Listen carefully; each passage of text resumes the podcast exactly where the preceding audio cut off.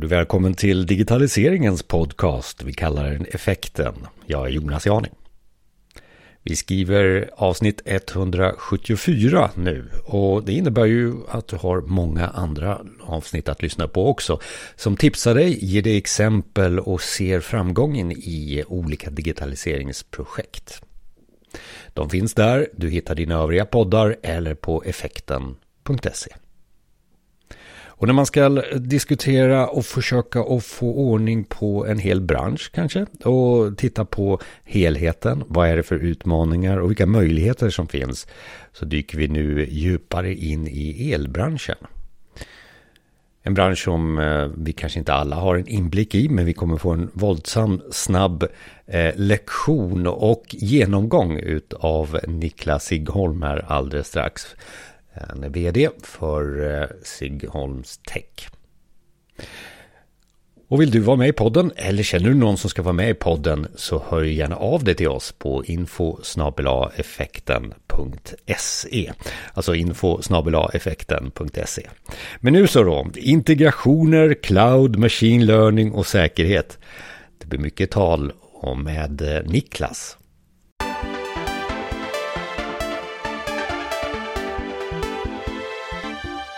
Då podden nu är mer nyfiken på lite större bolag som ska digitaliseras och vi zoomar in på energibolag så välkomnar vi Niklas till podden. Tack. Kul att vara här.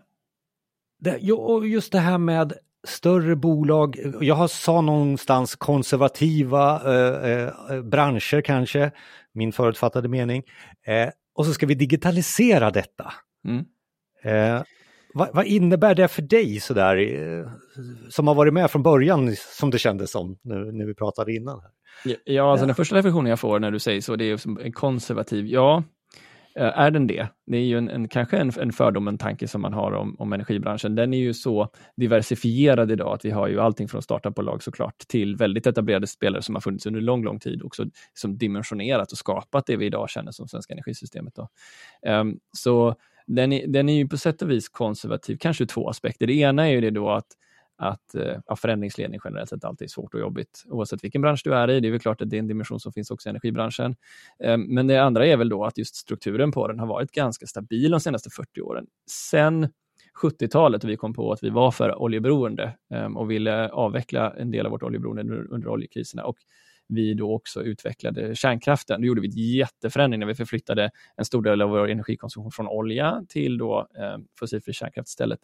Eh, så har vi sedan mitten på 80-talet haft en väldigt stabil ändå, eh, energimarknad där vi inte har sett så stora förändringar alls. Och nu då det vi ser eh, komma med ökad efterfrågan från eh, stora investerare i fossilfritt stål till metanproduktion, till konstgödsel som ska vara grönt, eh, till en en rad andra energibärare, ehm, så, så är det klart att hela branschen nu har, är under gungning, ska man säga. Ehm, både vad gäller vilka aktörer som, som är aktiva på den och vilken storlek och position de har på marknaden, eh, men också vilka affärsmodeller som kommer att gälla i framtiden. Så. Så, så det, och en stor del också av många av spelarna är ju antingen statligt eller kommunalt ägda, ägda fortfarande. Så vi har inte sett kanske en jättestor konsolidering av branschen över tid, utan det har varit just ganska stabila förutsättningar att jobba på. I den meningen så har man skapat också effektiva och ganska satta strukturer för hur de här verksamheterna ska fungera. Så i den meningen kan man väl säga att den är till viss del konservativ eftersom den är, är van att jobba i stabil, en stabil marknadsmiljö. Men eh, du, vill, du påstår också inte här i svaret här, tycker jag, att det är inte de här senaste åren eh, om att vi måste bli eh, fossil, fossilbränslena och framtiden. Vi mm. har en klimatrörelse, om vi får kalla det nu, eh, som, som jobbar med miljö och klimatarbete. Det är inte det som påskyndar digitaliseringen utan digitaliseringen i den här branschen har pågått ett tag. Ja men gud ja, det har den ju eh, såklart. Eh, ehm, alltså i, i det att vi har utvecklat, eh, haft bolag som ABB i Sverige som har utvecklat skadasystemen och som har utvecklat mer system för de här bolagen så har de ju varit digitala väldigt länge. Det som, det som ju händer nu är ju då att vi får en sektorssammankoppling mellan olika energibärare, exempelvis värme, el, vätgas kommer också. Ehm, och dessutom så blir konsumenterna, så marknaden går från en producera här, konsumera där-logik till en mer sammanblandad prosumentlogik där en del av behovet är självförsörjande och en del av behovet behöver eh, ske genom antingen elnätet eller fjärrvärmenätet då, som är sammankopplade. Och det leder ju då till att vi måste börja prata med varandra mycket mer. Eh, och det är ju någonting som är helt nytt. Ehm, för hur värderar vi då exempelvis eh, eh, ny spillvärme som kommer in. Eh, värme är nästan en tredjedel av hela elsektorn i storlek, så det är liksom en, en väldigt stor del av energimarknaden som inte alla känner till. Eh, och har du en vätgasanläggning, exempel, eller en elektrolysör som det heter, så genererar den ju massivt med, med spillvärme. Hur värderar du det i relation till vilket behov vi har Eh, av att ha värme i en stad exempelvis beroende på utetemperatur och sånt där. Då, då är det massa saker som måste börja lira med varandra. Vi måste börja prata med liksom, hur mycket kostar det att producera värme och el här borta? Hur mycket kostar det att konsumera el och skapa värme här borta? Och hur matchar vi det här? Det är liksom ett exempel på en sån stor marknadsförändring som vi ser nu. De elektrolysörer som kommer upp i Norrbotten, de är ju gubevars lika stora som hela Stockholms förbrukning av el. Så det är ju så monumentalt stora förflyttningar av energibranschen och där vi tittar på nästan en fördubbling av den. Då. Den andra delen är ju också så här, hur, hur integrerar vi eh, den lokala ICA-butikens kylar in mot nätet? Eh, hur, hur använder vi antingen batterier eller, eller spillvärmelösningar för att få smarta integrationer mellan där energi finns och hur vi distribuerar och använder den eh, där ett behov finns? Eh, och, och, det är ju en, en helt ny värld av kommunikation mellan olika maskiner så att säga som ännu branschen är, liksom inte har, har kommit till särskilt långt men som vi helt klart ser en trend mot. Men det känns ju också som att den digitala, de digitala lösningarna eh, för att koppla ihop det här, för att integrera, det är väldigt mycket nya saker som ska byggas mm. och det är mycket gammalt som ska kopplas ihop. Mm. Och nu kanske det är min naiva eh, slutsats, men det låter så att det är väldigt, väldigt mycket som ska digitaliseras här. Eh. Ja, ja, så är det. Vi har, vi har ju Ehm, eh, gjort en stor, liksom, mycket av det här är också regeldrivet. Vi har ju liksom då bytt mät, mätare i både elnätssidan och på värmesidan de senaste åren. Och genom att de här mätarbytena blir av så, så eh, inkluderar man också naturligtvis teknik som gör att det går att in, inkludera eh, kommunikation med andra leverantörer i dem, vilket gör att vi kan börja styra fastigheter eller industrilokaler eller vilka det nu är på ett helt annat sätt än vad vi har kunnat göra förut. Och det här öppnar ju upp för affärsmöjligheter, både för de etablerade spelarna men också för nya spelare. Ehm, batterier är ett sånt jättebra exempel som är en ny typ av ackumulator kan man säga som dyker in i systemet. Och den måste kunna prata med energisystemet för det är inte bara så att den ska klara av att hantera peakbehovet hos kunderna, vilket är liksom det man tänker sig i grundaffären för ett batteri. Att, att klippa morgonpiken när man ska slå på kanske maskinerna i ens, eh, i ens line eller så. Utan den kan också fungera som en aktör för att uh, agera, uh, som säga, använda arbitrage, det vill säga köpa el billigt vid en tidpunkt för att sedan kompensera och inte behöva köpa in el vid en annan tidpunkt och det är dyrare.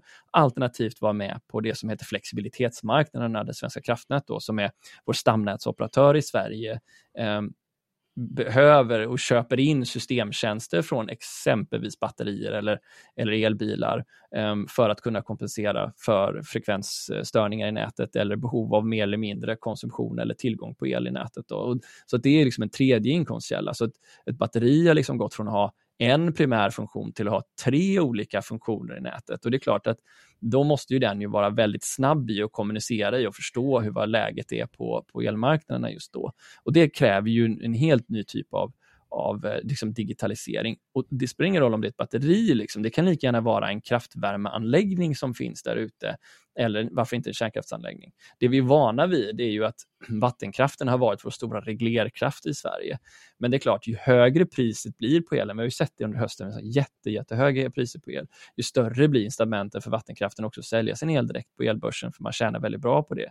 Och då behöver vi massa med resurser som kan liksom balansera den eh, säga, variabla eh, kraften som nu kommer in i systemet och som inte är lika planerbar. Och då måste många olika aktörer samtidigt kommunicera med varandra och flagga. Hej, jag har den här förmågan, jag har den här tillgången på energi och jag kan dela med mig av den och någon annan som har då ett motsvarande behov. Att jag, jag, jag har det här konsumtionsbehovet och jag behöver fortsätta med det och så ska man hitta prismekanismer däremellan. Och det är då det, är då liksom, det blir liksom extremt sug i att eh, driva digitalisering. Så det, det, det är liksom egentligen inte säga, det är inte digitaliseringsmöjligheten i sig, för den har ju funnits, som öppnar upp för det här, utan det är ett behov av, ska du vara relevant på marknaden i framtiden, då behöver du vara flexibel. För att kunna vara flexibel behöver du också kunna kommunicera med de andra aktörerna för att kompa din egen förmåga mot deras Eh, på ett så flexibelt sätt som möjligt. Någonstans här så blir jag som liten, liten konsument i det här spelet exponerad för elleverantörer som har några appar som man blir stressad mm. över att nu är det högt eh, eh, mm. kostnad här och, och, här ska du välja olika API och sånt där. Just det. Det, är, det är väl en, liksom en sidoprodukt utav, av allt det här du, du ja, Du ska i framtiden också. inte behöva tänka på det här såklart. När du köper en elbil i framtiden om en fyra fem år, då vill ju vi att du hela tiden har den ikopplad eh, i, i ditt uttag. Och det beror ju på, inte på att du ska ladda hela tiden givetvis, utan det beror ju på att eh, sådana som jag kanske vill använda ditt batteri eh, under tiden då du inte behöver bilen. Och så har jag sett på ditt beteendemönster att på söndagar så vaknar du normalt sett inte förrän klockan nio, så fram till dess kan jag använda batteriet för andra saker så länge jag inte eh, driver ett, eh, ett för högt slitage på det genom att ladda upp och ladda ur det. Då. Ehm, så du ska förhoppningsvis inte märka något annat än att vi kan garantera att du har 80 laddning när du, när du liksom ska sticka iväg på söndag morgon för att handla eller vad du nu ska göra. Ehm, men, men under tiden så kanske vi har eh, handlat med den som en produkt på elmarknaden. Och här någonstans så, så pratar vi om liksom, vad är det som händer, exempel på vad som har hänt och mm. vad som händer just nu på, på mm runt e-bolag och elmarknaden. Eh, jag antar att du har några, så här, det här gjorde vi och det här blev resultatet. Mm. Ja. ja, men vi tar lite steg då. Så den första liksom grundläggande nivån är på något sätt att kunna optimera en maskin, oavsett vilken maskin du har. Det kan vara liksom en, en värmeasset, en turbin som är ett vattenkraftverk, eh, eller kärnkraftverk, eller en kraftvärmeverksamhet, eller för all del en kraftturbin. Så hur optimerar vi den här mot Eh, för life cycle management. Det är det första. Och där använder vi ju liksom, vi, marknaden system för att eh, frekvensreglera. Vi använder system för att eh, anomalidetektera och prognostisera förmåga över tid. Då. Så det är första steget. Och det är ju många, det, är liksom, det klarar alla av. Det andra steget då är att kunna optimera de maskiner man har mot en specifik marknad. Så det kan vi säga, elmarknaden. Då. Om jag ska köra min vattenkraftstation, jag ska köra mitt kraftvärmeverk, jag ska köra min, min vindkraftsturbin mot elmarknaden. Hur optimerar jag den asseten mot den marknaden? Och det kräver ju då att man förstår vad linjär matematik egentligen, vad, vad, optimering är över tid. Och det är också många som, som, eh, som kan det. Inte alla, men, men många kan det på marknaden. Eh, steg nummer tre, ja, då börjar vi ju närma oss då att du kan både optimera din maskin och din marknad. Det vill säga att om jag har exempelvis ett, ett kraftvärmeverk som då ska leverera en viss typ av el och så ser jag att både värmebehovet och priset på el går upp samtidigt. Kan jag då putta värmebehovet genom att jag kan styra mina kunders behov lite granna i tiden. Jag kan ta ner temperaturen i några stora eh, köpcentrum som jag vet är lågbefolkade just den här tiden. Då kan jag också reglera upp min min elproduktion och därmed också få bättre betalt. Så då kan jag synka både min, min asset mot min marknad och jag kan också synka min marknad mot min asset. Och det ökar liksom mm, väldigt mycket möjligheten att driva affären, för då börjar man kunna sätta pris på det här. Och det är egentligen vad fastighetsmarknaden vill. De säger så här, ja men vi förstår att alla vill ha som mest el måndag morgon, då vi, som vi ska kompensera för att det kanske blir kallt i lokalen och vi ska dra upp vår energikonsumtion som allra mest, både på värme och elsidan. Om, om jag kan förhandla om att jag inte behöver det på måndag morgon, vad är det då värt för er som energiproducenter att jag förflyttar den här förmågan? Jag kanske är beredd att sänka temperaturen inomhus eller jag är beredd att senare lägga line startproduktionen. Um, ehm, då vill jag ha ett pris för det. Och då, när man har den digitaliseringsförmågan så du kan flytta både liksom din asset och din marknad så att de matchar varandra, eh, då, då börjar det ta fart rejält på affärsutvecklingssidan. Då. Men det är svårt och det kräver en hel del liksom, eh, förmåga hos energibolagen. Det, det, det, tredje steget är ju att du skulle kunna klara av att aggregera många olika typer av assets på den här marknaden. så inte bara då, om vi tänker i en stad, kraftvärmebolaget och dess eh, förmåga att producera, utan också kan du aggregera alla elbilar som finns i staden, solcellssystemen som sitter på taken, kanske vindkraftturbinerna som finns där utanför. För alla de här har olika egenskaper och förmågor som gör att kan du synka dem mot marknaden så kan du få en, en bättre palett så att säga. Du får gungor och karuseller, enkelt förklarat. Då. Du, det, du, du, måste högst... vara, förlåt, du måste vara ganska duktig på ganska många mm. parametrar. Mm. Det är affärsutveckling, det är teknik, mm. det är det, det, det, det konstruktiva, det där vi ska leverera energi. Ja. Det är många parametrar och när du berättar i exempel form här, mm. har man koll på det här eller? Alltså... Så det här håller på att utvecklas. Alltså det är så här, vi, vi har ju inte ett samfällt behov i Sverige. Ehm, vi har, vi har olika elprisområden, fyra stycken. Och vi har inte heller ett behov i respektive stad, utan de skiljer sig åt mellan städerna. Och vi har inte ens ett behov i staden, utan vi har ett behov i olika delar beroende på om du tittar på ett industriområde eller på ett villaområde eller så. Så att det gäller ju också, det var det jag tänkte komma till, så här, det gäller ju också att förstå hur många specifika marknader som finns, i, bara i Sverige. Och, och att utveckla handel för det här är någonting som pågår just nu. När om du och jag ska drifta ett elnät och så kommer jag på så här, okej, okay, men kan vi, eh, så har jag Jonas som stor industrikund. Så nu är det så här, hej du är min stora industrikund. Och så säger jag så här, Jonas, kan du, om du får betalt av mig, kan du flexa eh, så här mycket av din efterfrågan då under den här tidsperioden, under liksom den här delen av året? Och du säger så, mm, ja det kan jag, jag kan lägga om min verksamhet så, det påverkar inte så mycket. Ja, men vad får jag betalt? Och så kommer vi överens om att det är betalt. Och så säger vi fine och så dyker ett problem upp med effektbelastningen. Och så ringer jag upp till dig och säger, du väljer att reglera ner nu för nu har, vi, nu har vi eh, fullt i, i linan in här. Och det går bra. Men om jag får ytterligare behov och jag ska ha en person till eller två personer till eller industrier till som jag ska ringa, då blir det helt plötsligt en jätteutmaning. För så här, vem ringer jag först? Ringer jag dig? Ringer jag din, en, din kompis som har en fabrik vid sidan om? Eller ringer jag den tredje? Och då måste vi börja ha marknader som reglerar hur vi hanterar både driften av nätet och och hanteringen av våra tillgängliga resurser. Och den utvecklingen pågår nu. Så det är, liksom en, det är både en förmåga till digitalisering, kommunikation, API och kommunikation eh, kopplat till massiv tänkningssäkerhet såklart, måste man nämna när man är i den här branschen eftersom den är reglerad. Eh, men så är det också en utveckling av, av, av språk, termer, affärer, eh, rent kontraktuellt som också håller på att utvecklas simultant. Då.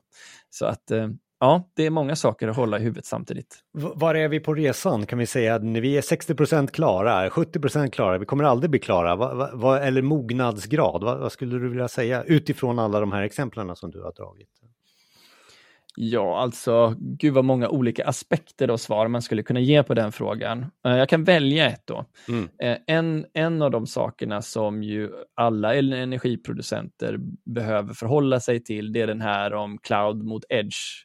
Hur, hur, för jag måste både, om jag, om jag ska ha en kontakt utåt i världen, så måste jag på något sätt ändå klara av att göra beräkningarna och ha kontaktytor ut mot andra. Och jag måste göra det på ett säkert sätt.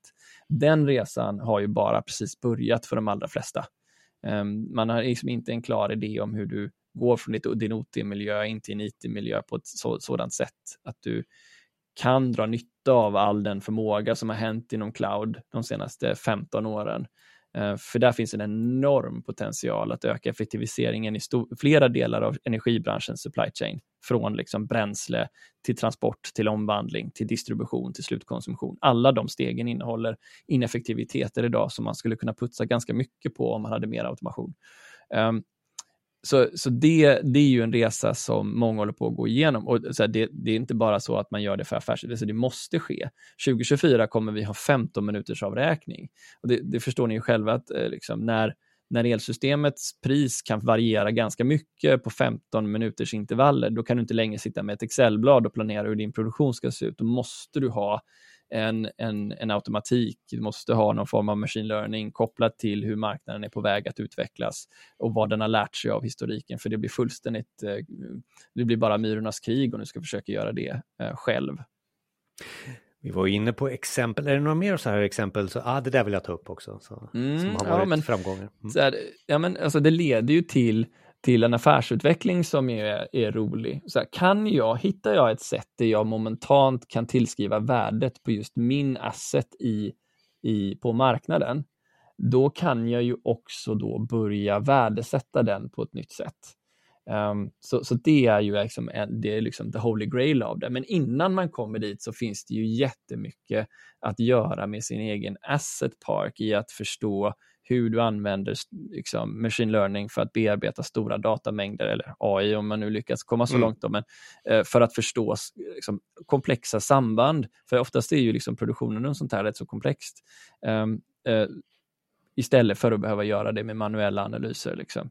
Uh, så, så där är, jag tror det finns jättemycket effektivitet i, i själva asset-hanteringen om man lyckas hitta sätt att få den här datan strukturerad uh, och eh, en, en systemarkitektur som, som möjliggör för eh, mer automatiserade eh, algoritmer att göra analyser på.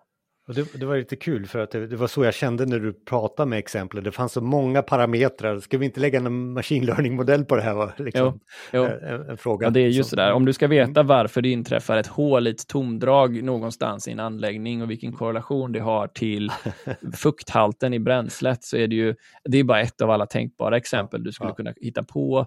Eller hur liksom, vindblad, alltså turbinbladsgraden påverkar vid olika hastigheter och fall på vinden. Och sånt Ja, Det finns jättemånga aspekter där du liksom, det blir väldigt komplicerat om du ska sitta och göra en, en, en ha en människa som sitter och gör den här analysen. Så det ser vi ju mer och mer att liksom, det blir viktigare och viktigare också när, när du inte bara, du vet, kan sätta på din turbin, för den är ju egentligen konstruerad många gånger för det, i alla fall om man tänker kärnkraften, så, så vill vi att den tuffar och går och går jämnt hela tiden. Nu när vi ser framtiden där både tillgången på el och efterfrågan på el studsar mycket mer mm. upp och ner, då behöver du ha en, en, en, en mer automatiserad eh, stöd för att kunna fatta rätt beslut. Då. Och 20 minuter går ju jättesnabbt och Niklas finns på kontaktuppgifter direkt i den podcastspelare nu om ni vill prata mer med mm. Niklas om detaljer om energibolag. Så, men jag tänkte, Alltså, nu har vi pratat med energibolag och, och, och, och, jag har ju tagit även energibolag som ett exempel på en väldigt stor komplex eh, bransch. Mm. Så, eh, vad skulle du vilja, om vi skulle ta upp det en nivå och titta på det i helikopterperspektiv och du skulle få frågan, hur ska man tänka när man ska di digitalisera en sån här en bransch? Har du framgångsrecept? Mm, ja, jag skulle nog, jag skulle säga det jag skulle understryka är, tror jag, att uttrycka den framtida förmågan man behöver ha på marknaden i strategin eh, på ett sådant sätt att man säger det här vill vi kunna göra. För det, det är inte alla, det är väldigt ofta så här i energibranschen att du följer så här krona per du vet, energimängd vi producerar och tillgänglighet på dina anläggningar. Men i framtiden så är det ju det en ren hygienfaktor. Så du behöver säga så här, i framtiden vill vi kunna erbjuda den här typen av tjänster till våra kunder. Ungefär som exemplet jag sa med elbilen där. Liksom. Det här vill vi kunna göra för våra kunder. Det kommer implicit ställa krav på vilken ganska stor förändringsresa du behöver göra inom digitalisering och automation av dina anläggningar för att klara av att göra det. Så, så, jag tror att det är väl det jag saknar när jag tittar på den strategiska, alltså strategiarbetet i energibolagen så brukar inte det stå. Det står så här, men vi ska bli allmänt bli bättre och ha en högre förmåga inom digitalisering och automation. Men det är inte översatt till vilken typ av förmåga man, man vill kunna ha. Och då blir det inte heller så konkret. För man ska komma ihåg att liksom, den här förändringen är ju liksom bara, bara 8-9 år bort innan den har slagit igenom i full kraft i systemet. Och, och det är i energibranschens historik en väldigt kort period. Man är ju van att tänka 40-50 år fram i tiden, men nu är det svårt att blicka ens två år fram i tiden. Så det är ju liksom den strategiska förståelsen om vilken förmåga man vill ha på marknaden, skulle jag säga, som är det avgörande för att sen katalysera resursallokeringen till digitalisering. Och det kan man också nämna så att jag tycker liksom att många bolag allokerar för liten del av sin budget till utvecklings och utvecklingsarbete inom, inom digitalisering generellt. Så här att få en crash course för mig som kanske inte kunde energibolag innan det är det är mäktigt att höra att det finns så många detaljer som behöver sättas ihop, kopplas ihop, funderas på, affärsutveckla. Men om du skulle summera poddavsnittet lite, vad skulle du ta och säga då? Ja, alltså att det här är liksom en, en, en makrotrend som, som är helt fundamental för att vi ska klara av klimatomställningen. Jag tänkte på det när du började det här, så att ja, nu har vi klimatarbetet som driver på det. Alltså det, det, är ju, det är ju naturligtvis att i grund och botten ligger det där, men nu börjar vi se liksom, vi, ser, vi ser reglerande krav på det. Alltså vi, vi, vi, tror att 2035, då får vi inte släppa ut något fossilt längre. Och det är en våldsam resa i våra anläggningar för att kunna göra det. Och då behöver vi kunna ställa om vår förmåga väldigt snabbt. Um, så det är, väl, det, är väl, det är väl det jag tänker på, liksom, att en sån här stor om komplex bransch ska ställa om så fruktansvärt fort. Um, för den är i navet av hela samhällets klimatomställning. När vi går från att, att du och jag släpper ut 9 ton koldioxid per år till att vi ska släppa ut 1 ton koldioxid per år, så, så förstår vi liksom hur stor den resan är och då vill helst inte du och jag att vår livskvalitet ska påverkas under tiden vi gör det. Uh, och det är ju en jätteutmaning att lyckas med stora frågor och det finns mer att prata om, men eh, vi avslutar så här. Eh, tack så mycket Niklas! Tack själv! Kul att få vara med!